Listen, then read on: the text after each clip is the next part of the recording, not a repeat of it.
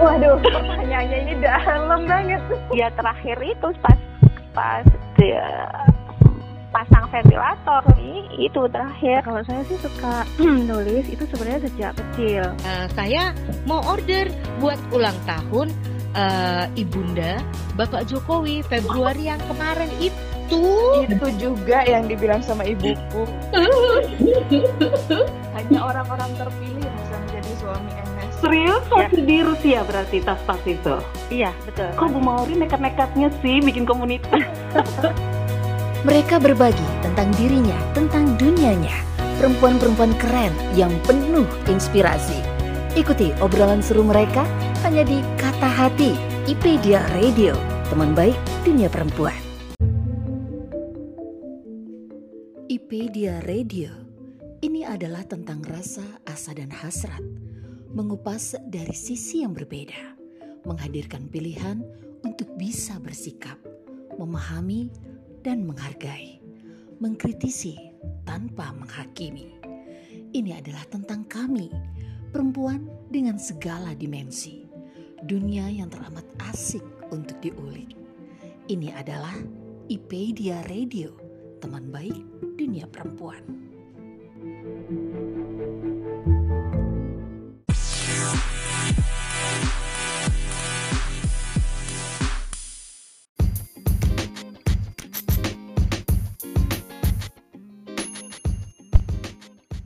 Assalamualaikum warahmatullahi wabarakatuh Hai halo teman baik IPedia Radio Berjumpa lagi di episode baru Kata Hati Tanggal 31 Oktober 2022 Apa kabar teman baik semua? Semoga selalu dalam keadaan sehat dan bahagia ya dalam rangka memperingati Hari Sumpah Pemuda yang jatuh di tanggal 28 Oktober lalu, hari ini saya menghadirkan sosok pemudi Indonesia yang berprestasi dan sangat menginspirasi. Ayesa Kashifa Kazaisa Purba yang akrab dipanggil Mbak Ayo. Nah, Mbak Ayo saat ini sedang berkuliah di salah satu perguruan tinggi di Korea Selatan dan mengambil program studi MICE. Nah, apa itu program studi MICE? Seseru apa sih pengalaman Mbak Ayu kuliah di luar negeri? Yuk, simak obrolan kami hingga akhir hanya di Kata Hati IPedia Radio.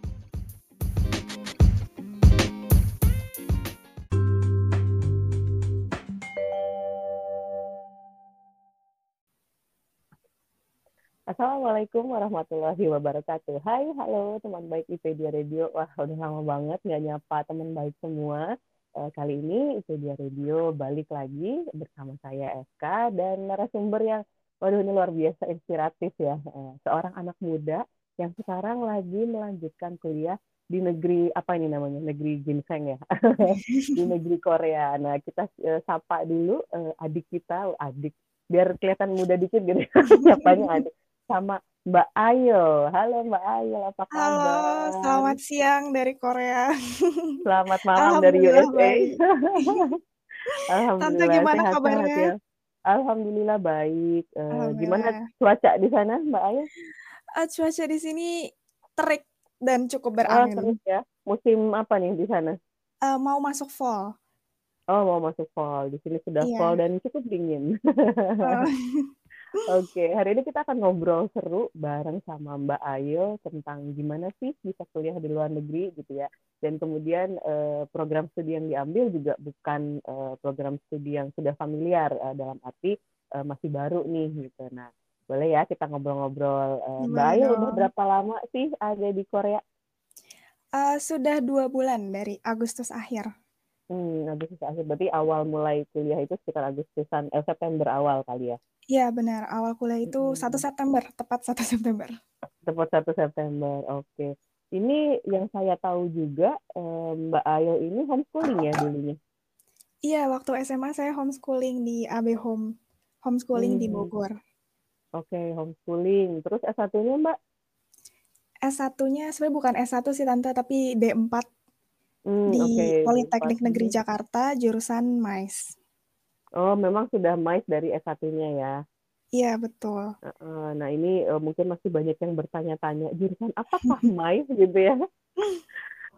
Mungkin ceritain dulu nih eh, di awalnya, dari awalnya homeschooling, eh, apakah memang sudah punya cita-cita untuk kuliah di luar negeri? Eh, kalau kebayang sih pasti kebayang ya tante pengen ngerasain kuliah Mhm. di luar negeri itu seperti apa, pasti pengalamannya Mmm. luar biasa banyak. Mhm Tapi, mhm. eee, akhirnya setelah belajar di homeschooling itu kan banyak explore diri, lebih banyak explore diri, terus akhirnya Mhm. menemukan senang, eee, bikin event, terus bikin, eee, travel agency gitu tante. Akhirnya Mhm. memutuskan untuk ngambil jurusan MICE. Jadi MICE Mhm. itu sebenarnya, eee, singkatan dari. Meeting, Incentive, Convention, and Exhibition. Oh, oke. Eee Jadi, eee, apa ya, kuliahnya jadi kayak I.O gitu kah atau Iya benar tante, jadi organizing gitu ya? Event organizer tapi, heeh, khusus untuk bisnis event. Jadi sebenarnya banyak yang Oke. suka keliru juga sih tante, pada Mhm ngiranya, mhm "Oh kamu, eee, jurusannya event management ya, bikin konser, bikin festival gitu." Bukan Tapi ya? iya Yang sebenarnya tuh diluruskan beda. Iya Mhm, iya. sebenarnya beda Oke. banget. Jadi, mhm. secara garis besar event itu sebenarnya kayak ada 2 gitu tante, ada special event sama business events. Nah untuk MICE Mhm. ini dia fokusnya ke business events. Jadi misalnya kayak ada pameran, terus konferensi, kongres, nah itu Mhm MICE mhm. fokusnya lebih ke Lebih situ. ke, eee, education gitu, akademisi gitu ya? Iya, dibandingkan dengan Mmm. bikin konser, bikin festival Iya itu iya bukan ranahnya MICE. Oke oke, wedding organizer gitu enggak ya? Iya, enggak, beda lagi tante. Oke oke. Oke, berarti lebih ke education-nya ya, lebih ke, eee, akademisinya gitu. Iya, Nah, business eee, events. selama selama 2 bulan, eb tapi berarti sudah dari, eee, D4-nya ya, sudah sudah, eee, apa, mengenali, eee, apa namanya, eee, MICE ini. Eee, bedanya apa sih, eee, kuliah, eee, ketika di Indonesia dan di luar negeri? Eee, kan major-nya sama ya, sama-sama MICE gitu. Nah itu, eee, perbedaannya apa yang paling signifikan? Sebenarnya, eee, saya di sini masih D4 juga tante, masih semester 5. Mmm, Jadi jadi lanjutan gitu?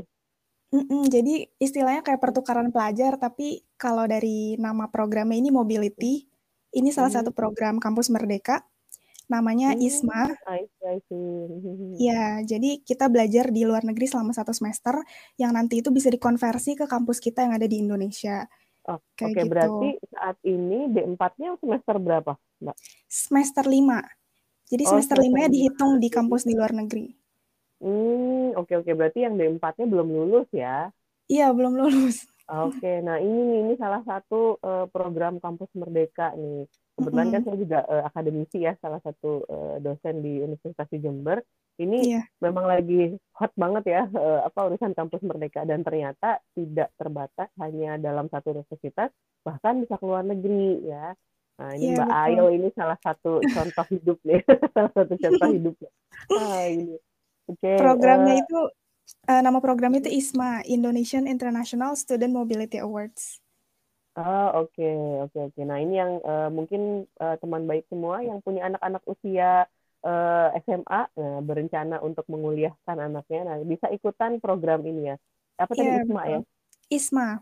ISMA. Nah dengan ini, eee eee, bisa mengeksplor lebih jauh gitu ya, eee, anak-anak dari teman baik yang ingin, eee, berkesempatan berkuliah di luar negeri. Nah ini tertarik banget pasti kalau yang punya, eee, mindset-nya ke sana ya. Memang dari dulu sudah di, eee, apa ya, ibaratnya dikasih, eee, pandangankah untuk, eee, "Ayo keluar di luar negeri," atau gimana Mbak, sama keluarga? Ya, eee, kalau dari keluarga sebenarnya sangat dibebaskan ya, pengen kuliah ke Mmm. mana, pengen ambil jurusan apa, Mmm. tergantung, eee, passion dari saya sendiri gitu. Masing-masing, mhm mhm. Iya, tapi kalau misalkan dari SMA sebenarnya kepikiran ke luar negeri tuh, eee, jalan-jalan gitu, bikin Oh, bikin iya trip, iya iya, bikin event, kayak gitu. Mhm Tapi ternyata setelah dikulik-kulik lagi pas masuk kuliah, oh ada program seperti ini, akhirnya mulai mhm. tertariknya pada saat sudah kuliah gitu tante. Mmm, mhm. Waktu dari homeschooling bisa, eee, jadi mengarah ke MICE itu gimana? Iya, waktu homeschooling itu, eee, banyak nyoba kegiatan, salah satunya itu bikin trip ke luar negeri, kayak ke Jepang, ke Mmm, Thailand, mhm. Malaysia, seperti itu. Nah akhirnya karena, oh kayaknya saya suka nih bikin acara kayak gini, bikin event segala Mmm. macam, Mhm tapi lebih eee, lebih fokusnya nggak konser kayak gitu-gitu tante, akhirnya milih, oh ternyata ada mhm. jurusan MICE yang lebih fokus ke bisnisnya daripada ke special event. Akhirnya, oh ya Mmm. udah nih ada jurusan yang pas banget alhamdulillah kayak gitu. Kalau dari, eee, keluarga apa ada yang, eee, udah pernah sekolah di luar negeri juga? Eee, dari keluarga belum tante. Berarti pertama ya? Iya. Eee, gimana nih orang tua atau saudara-saudara, berapa bersaudara Mbak Ayo? Berdua, kakak saya kuliahnya di ITS jurusan statistika baru lulus. Oh, oke.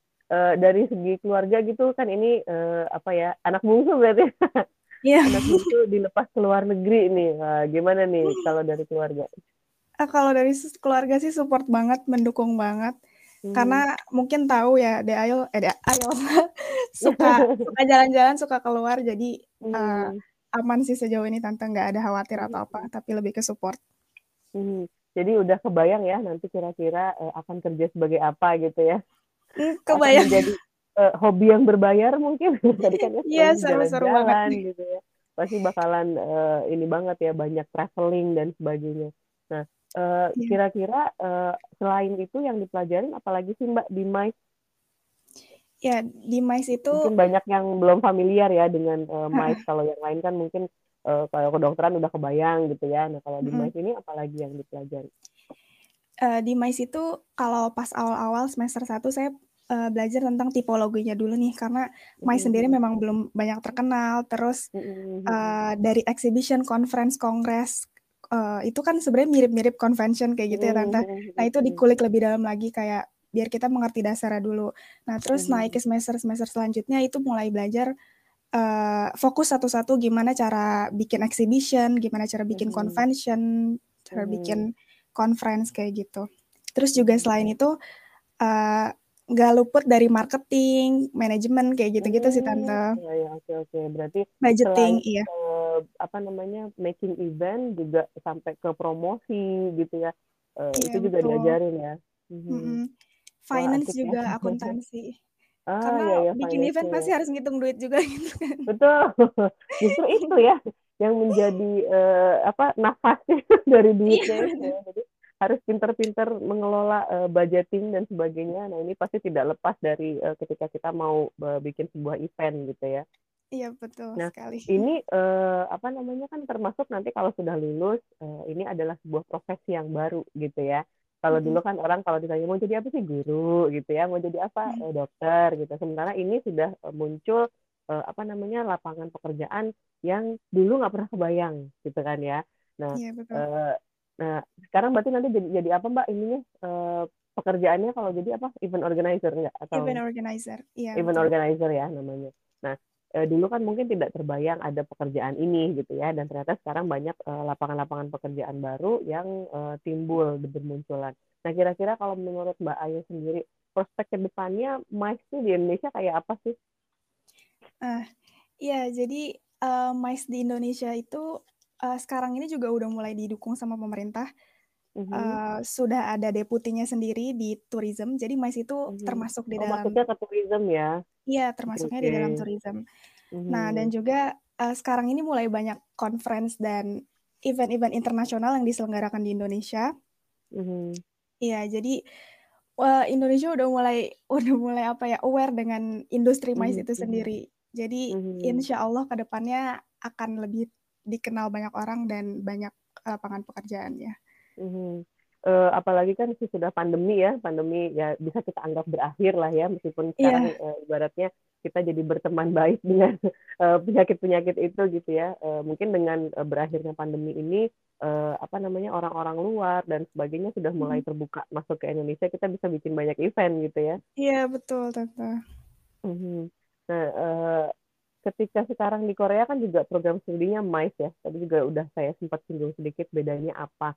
Eh, Mhm. yang yang paling bikin oh eh, ke Korea nih MICE-nya udah bagus. Nah, itu apa sih kan sebenarnya waktu pas program kampus Merdeka bisa pilih di mana aja dong ya, nggak harus ke luar negeri juga gitu. Nah, Iya kenapa bisa. waktu itu lo tertarik ke Korea Selatan? Apakah karena K-pop-nya? Aduh, Tante jangan buka kartu dong. Jangan-jangan ARMY juga nih. Oh iya. Jadi eh, sebenarnya iya waktu daftar program ini kita bisa pilih eh, negara mana pun yang kita mau, Mhm, tapi mhm, mhm. lagi-lagi disesuaikan dengan eh, jurusan kita di sini gitu supaya Mhm. eh, supaya apa ya? Supaya selaras gitu yang dipelajarin ya. Mhm, Nah. Eh, pada saat itu sebenarnya pilihan saya nggak Korea, tapi Australia, Australia. Hmm, oke oke. Karena eh, ya karena kalau menurut dosen saya dan saya baca-baca juga di Australia itu event event manajemennya itu maju sekali bahkan uh, universitas-universitasnya itu udah fokus Hmm. masing-masing ada yang ngurusin festival ada yang ngurusin Mhm, mhm. conference Bukan hal baru lah ya kalau di Australia gitu Heeh, ya. di Australia itu Mhm. udah maju banget Uh, sebenarnya pengennya ke sana dan juga negara berba- berbahasa Inggris gitu kan jadi bisa Mhm. lebih apa belajar bahasa Inggrisnya lebih cakep gitu lah Mhm, Eh, tapi Tapi di akhirnya Korea satu sekarang juga bahasa Inggris kan ya? iya di Atau Korea kelas bahasa Inggris Hmm, tapi tetap harus belajar Hangul. Iya, tetap belajar Hangul. Mau nggak mau karena ya. daily daily life di sini semuanya pakai Yes, bahasa yes, Korea. benar benar benar. Oke. Terus Iya. terus. Nah, tapi setelah saya cek uh, jurusannya, terus Mhm, mata mhm, kuliahnya, setelah dikulik-kulik lagi, ternyata mhm. uh, yang lebih mengarah ke MICE itu adanya di Korea. Akhirnya Hmm, yang pilihan lebih satu mirip sampai dengan tiga, Indonesia gitu. uh, iya yang lebih banyak bahas tentang MICE yang uh, mirip dengan di Hmm. kampus itu adanya di Mhm, Korea. mhm. Jadi sebenarnya ada tiga pilihan tante boleh pilih tiga kampus dari negara mhm. berbeda. Tapi uh, karena ngikutin jurusannya, ngikutin apa yang mau didapat, akhirnya milihnya Korea Selatan. Mhm. Dan juga kan mungkin lihat mata kuliah yang dikonversi itu tadi ya, mana Iya yang sekiranya eh, bisa masuk gitu dikonversi. untuk Heeh, bisa. hmm, benar-benar. karena sayang banget nanti kalau udah satu semester ketika balik nggak diakuin kan. Iya, enak banget ya harus ngulang lagi gitu. Mhm. betul betul. Nah, eh, ini kan berarti eh, dapat beasiswa ya? Dapat I- beasiswa betul. Iya benar, Dari LPDP. yang program Kampus Merdeka itu atau apa LPDP? Iya, pro- uh, beasiswanya fundnya dari LPDP, Hmm. dari program Boleh ISMA ini. eh, di-share eh, gimana sih caranya? Nah, mungkin ada teman baik yang pengen tahu gitu ya, karena pa- pasti pada penasaran eh, banyak yang tahu juga kalau eh, apa namanya namanya kuliah di luar negeri itu tidak murah pasti ya. Dan kita pasti Betul. pengen cari beasiswa gitu. Nah, gimana Iya. mungkin bisa diceritain gimana sih caranya bi- biar bisa dapat beasiswa ke luar negeri? Uh, kalau untuk program yang saya ikut ini kebetulan kan cuma satu semester ya Tante. Mhm. Jadi uh, patut dicoba untuk yang mau belajar dulu, untuk mau yang mau belajar nih, misalkan S2-nya mau ke luar negeri, dicoba satu Mhm. semester lewat program ini. Kalau untuk Hmm. proses seleksinya itu mungkin ada dua tahapannya secara garis besarnya, ada administrasi sama wawancara. Mhm. Kalau administrasi itu kita ada bikin esai, terus dari Hmm. transkrip nilai, misalkan saya kemarin apply-nya itu waktu semester 4, berarti transkripnya dari semester 1 sampai semester 3. Mhm. Mhm. Terus yang eh, satu lagi adalah sertifikat bahasa Inggris. Sertifikat Hmm, bahasa Inggris ini bisa atau mm-mm, bisa pakai Mhm. TOEFL, TOEIC, IELTS, atau sekarang yang terbaru ada berapa tuh Duolingo. minimal skornya? Eh, kalau kemarin TOEIC itu 560, Mhm. kalau IELTS 5,5, Mhm. TOEFL IBT 70, Duolingo 85. Hmm, lumayan ya. Itu kayak udah mau eh, kuliah S2 loh. Karena mungkin di luar negeri ya. Oke, tadi itu Iya. sudah administrasi. Administrasinya apa aja nih, Mbak? Mungkin bisa di-spill. Administrasinya eh, yang Tadi pertama IPK itu ya, esai. IPK, sertifikat bahasa Inggris, terus Hmm, juga ada persyaratan kayak eh, surat dari prodi, surat dari hmm, re- rekomendasi kampusnya, gitu ya. Mm-mm, surat rekomendasi, Hmm, terus ngisi persyaratan-persyaratan. Yang sebenarnya kalau persyaratan itu yang mudah sih tante cuma ngisi-ngisi biodata biodata aja. Tapi yang paling hmm, penting ya tiga tadi sih, esai, transkrip nilai, dan sertifikat bahasa Inggris. hmm. Dan mungkin juga ada eh, izin dari orang tua ya. Iya, izin dari orang tua kayak gitu-gitu. Oke, kalau itu sudah masuk, berarti habis itu step berikutnya adalah wawancara ya. Ya, wawancara. Wawancaranya Wawancaranya ini ini sama pihak siapa? Wawancaranya ini eh, jadi ISMA itu ada panitianya gitu. Mhm. eh panitianya ini dari kantor internasional eh, kampus yang ada di Indonesia gitu. Nah, Hmm, kalau oke. kalau saya nggak salah eh, mereka yang nanti mau wawancaranya. Wawancaranya Hmm. sekitar 15 sampai 20 menit nggak lama. In English dong pasti. In English, iya. Pertanyaannya Karena kampusnya ada, karena kampusnya di luar negeri ya. iya, pertanyaannya seputar esai aja sih, seputar esainya digali Hmm. lebih dalam lagi. Mhm, kayak goalsnya mau ngapain sih, kenapa harus keluar negeri dan Mm-mm. sebagainya gitu ya, kenapa Iya, nanti tertarik eh, untuk belajar. kontribusi apa yang akan dikasih ke Indonesia gitu kayak Nah gitu-gitu. itu sih sebenarnya, nah itu sebenarnya dan itu akan menjadi pertanyaan berikutnya. Kira-kira kalau Mbak Ayo sudah selesai, kontribusi apa yang akan diberikan untuk Hmm. Indonesia? Waduh, waduh, berat-berat. Langsung ditodong Ini nih di awal ya. udah kayak Padahal baru dua bulan ya kuliah ya. Jadi uh, insya Allah kalau dari rencana aku uh, pengen ke sini itu pengen tahu mais lebih dalam, pengen punya Mhm. pengalaman terjun langsung ke industri mais di sini.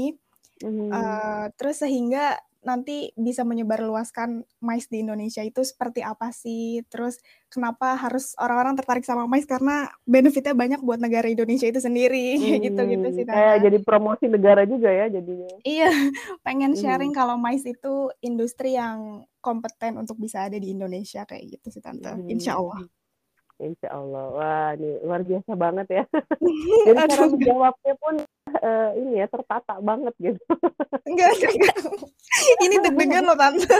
Oh, itu kayak mau tes ya. Anggaplah lagi UTS ya. Eh, hal menarik apa sih Mbak yang ditemuin di Korea Selatan Eh, selain kuliahnya ya? Mungkin ada Mm-mm. budaya atau apa? Ada culture shock nggak sih?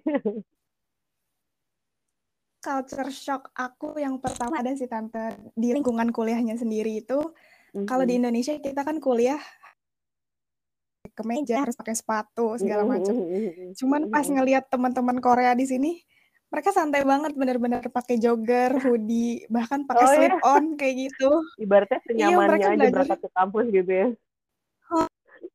aman banget pakai baju kayak gitu. gitu.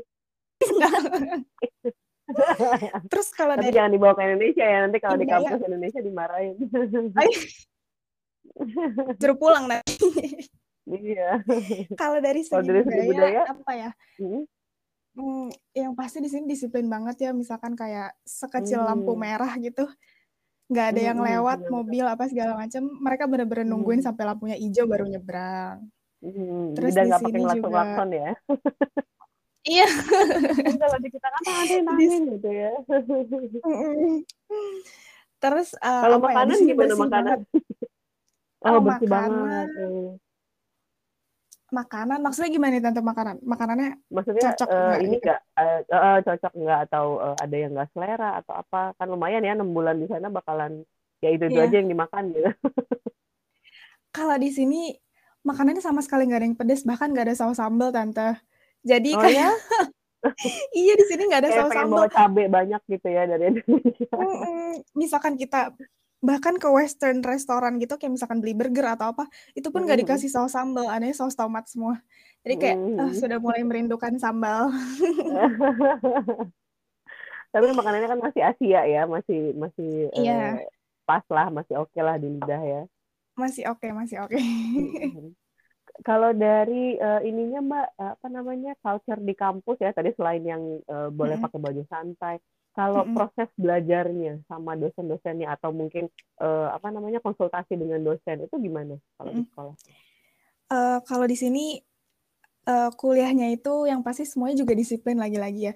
Kayak Hmm. mereka tepat waktu, terus dosennya itu nggak mau tahu kalau misalkan ada yang telat ngumpulin tugas atau ada yang telat masuk kelas, itu mereka nggak akan ada yang nunggu, kayak gitu. Mhm, Nah, mhm. cuma Nggak di sini toleransi pengal lah pokoknya gitu ya. mhm, betul. Cuma di sini pengalamannya alhamdulillah dapat dosen ada yang dosen Korea, ada juga dosen yang dari luar Korea. Karena kan English track ya Tante, pakai bahasa Inggris. Hmm, hmm, oke oke. Mhm, Dapatnya jadi yang Eee, dua-duanya dapat, ada yang oh dosen dari luar ya. negeri Mhm. dari Kanada kayak gitu, ada juga yang dosen dari Korea.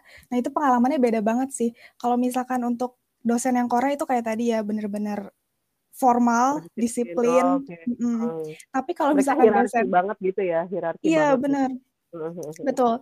Sedangkan dosen-dosen yang dari luar negeri, dari Kanada kayak gitu, mereka bener-bener santai, bah slow Mhm, mhm. banget dan bahkan bercanda kayak terus kita Hmm. disuruh manggilnya langsung manggil nama, kayak Ya, wes ya, budaya ya. western gitulah Tante. Yes, betul. Mhm. Jadi Wah, cukup jadinya ya. berbeda. Iya. Mhm. Bisa lihat ada dua kebudayaan di satu tempat gitu ya. Iya, alhamdulillah. Mhm. Nah, ini teman baik pasti lagi pada, wah seru ya ternyata gitu ya. Kuliah di luar negeri, kemudian ini juga eh, Mbak Ail ada di eh, apa? eh, sorry kampusnya namanya apa Mbak? Ulsan College. Ulsan College. Berarti di Ulsan ya? Iya, betul di Ulsan. Jauh dari Seoul nggak? Eh, kalau naik bis 4 jam, Tante. Lumayan ya. Iya, Agak lumayan. Jakarta Bandung gitu ya kalau kalau Mhm. eh, perjalanan darat. Hmm, oke oke. Nah, ini Mbak Ayo sekarang posisinya lagi ada di Ulsan, Korea. Di sana jam satu siang ya. Uh, Iya. Kita asik ngobrol hari ini tentang MICE. Nah, mungkin yang dari tadi uh, mungkin baru bergabung gitu ya, bisa diputar lagi recordingnya. Uh, MICE ini salah satu program studi baru ya, tergolong baru di Indonesia pun juga uh, mungkin masih baru uh, yang tentang uh, apa ya belajar event organizer khususnya di ranah bisnis ya Mbak ya. Iya, betul. Gitu. Nah, uh, mungkin satu uh, bukan pertanyaan sih ya, satu pernyataan ada satu pernyataan terakhir dari Mbak Ail yang bisa menginspirasi uh, kaum muda di Indonesia gitu ya. Ini kan Hmm. soalnya inspiring banget nih kalau buat aku Waduh, waduh. uh, ini banget ya ah, ada anak Amin. muda yang punya visi uh, mau jadi apa gitu ya. Dan ini Hmm. sampai uh, berarti kan sudah di program dari uh, semester 3 bahkan tadi ya daftar sudah dari semester 3 dan sebagainya. Berarti sudah punya uh, pandangan jauh ke depan. Nah, ini gimana sih uh, apa ya mungkin sedikit uh, memberikan motivasi uh, untuk para pemuda di Indonesia uh, supaya lebih uh, semangat gitu. Ada Mbak silakan. Eh, kalau dari aku sih eh, buat teman-teman semua eh, cobain banyak hal yang menurut teman-teman itu Hmm. bisa jadi passion teman-teman karena di umur segini kan kita nggak tahu ya sebenarnya passion kita apa sih kita ke depan maunya Iya, kayak iya, gimana. masih mencari jati diri gitu Iya ya. betul sebenarnya saya juga masih mencari diri sendiri jadi lakuin banyak hal sehingga nanti akhirnya Mhm. ketemu sukanya apa dan kita nggak tahu kan kesempatan di depan apa kayak aku sekarang tiba-tiba alhamdulillah eh, dari yang yang sukanya bikin event suka bikin acara Mhm, tiba-tiba mhm, punya kesempatan mhm. untuk kuliah di Korea ya Hmm. itu aja sih tante Iya, bener banget. Intinya exploring ya. Iya usia bener segini explore eh, butuh banget eh, explore sebanyak mungkin. Wah, ini Hmm. a very inspiring story dari Mbak Ayo yang sedang kuliah di Korea sana, yang awalnya juga bahkan homeschooling ya. Jadi tidak Iya, eh, tidak mengalami public eh, school seperti teman-teman yang lain. Nah, mungkin bisa jadi inspirasi untuk teman baik semua yang punya anak-anak usia sekolah mulai SMP SMA. Nah, sudah mulai di eh, plotting gitu ya, kira-kira mau eh, ngambil kuliah di mana nih. Nah, mungkin salah satunya bisa eh, menginspirasi dari cerita Mbak Ail hari ini. Mbak Ail, thank you banget sudah diganggu waktunya di terima antara kasih ujian tante eh, tengah semester. Kapan-kapan boleh ya kita ngobrol lagi lebih jauh. Mungkin boleh dong tante penasaran. Eh, bahkan nanti kalau sudah eh, lulus kuliah mungkin bisa ngobrol lagi Iya. gimana gimana pengalamannya. Eh, Oke, thank you banget ya Mbak sekali lagi. Kita Iya, terima kasih lagi banyak tante. Hmm, sehat-sehat ya di sana ya. Semoga lancar sehat-sehat juga terus tante amin terima kasih Oke, bye. Assalamualaikum.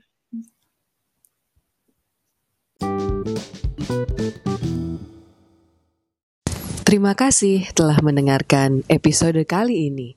Tetap stay tune di IPedia Radio, teman baik dunia perempuan.